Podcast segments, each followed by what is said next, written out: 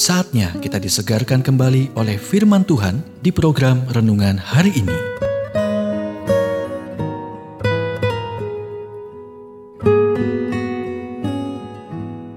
Renungan hari ini berjudul Merasa Baik Tentang Diri Sendiri.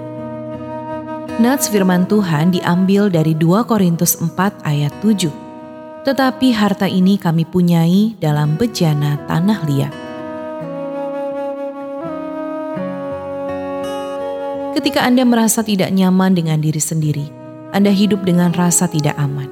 Anda terus mencari pengakuan orang lain, dan ketika Anda tidak mendapatkannya, rasa berharga Anda menyusut.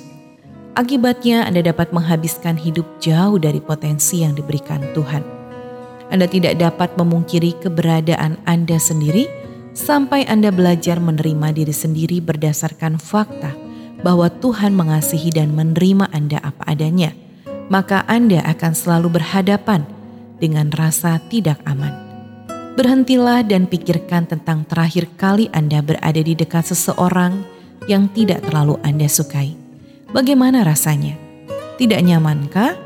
Baik atau buruk, tidak memproyeksikan kepada orang lain pikiran dan perasaan yang kita miliki tentang diri kita sendiri. Jadi, jika Anda ingin orang berpikir baik tentang Anda, anda harus memiliki pendapat yang baik tentang diri Anda sendiri yang didasarkan pada firman Tuhan.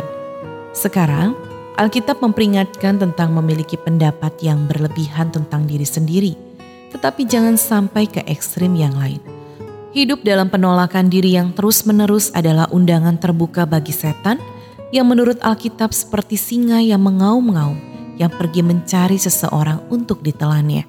1 Petrus 5 ayat 8 anda berkata, tetapi bukankah Paulus menulis, sebab aku tahu bahwa di dalam aku, yaitu di dalam aku sebagai manusia, tidak ada sesuatu yang baik.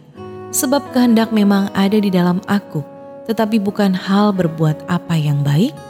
Roma 7 ayat 18 Ya, tapi itu berarti kebaikan yang terjadi adalah bukti bahwa Tuhan sedang bekerja dalam hidup Anda.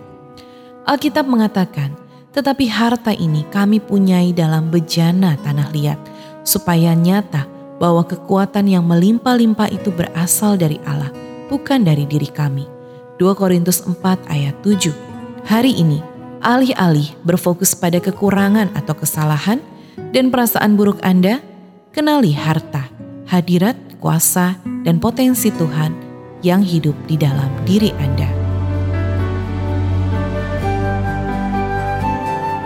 Kita telah mendengarkan renungan hari ini. Kiranya renungan hari ini terus mengarahkan kita mendekat kepada Sang Juru Selamat, serta menjadikan kita bertumbuh dan berakar di dalam Kristus. Renungan hari ini tersedia dalam bentuk buku maupun digital dan bisa Anda miliki dengan menghubungi Japri di WhatsApp 0812 8784 7210 atau email ke infoapripusat@gmail.com. Tuhan memberkati.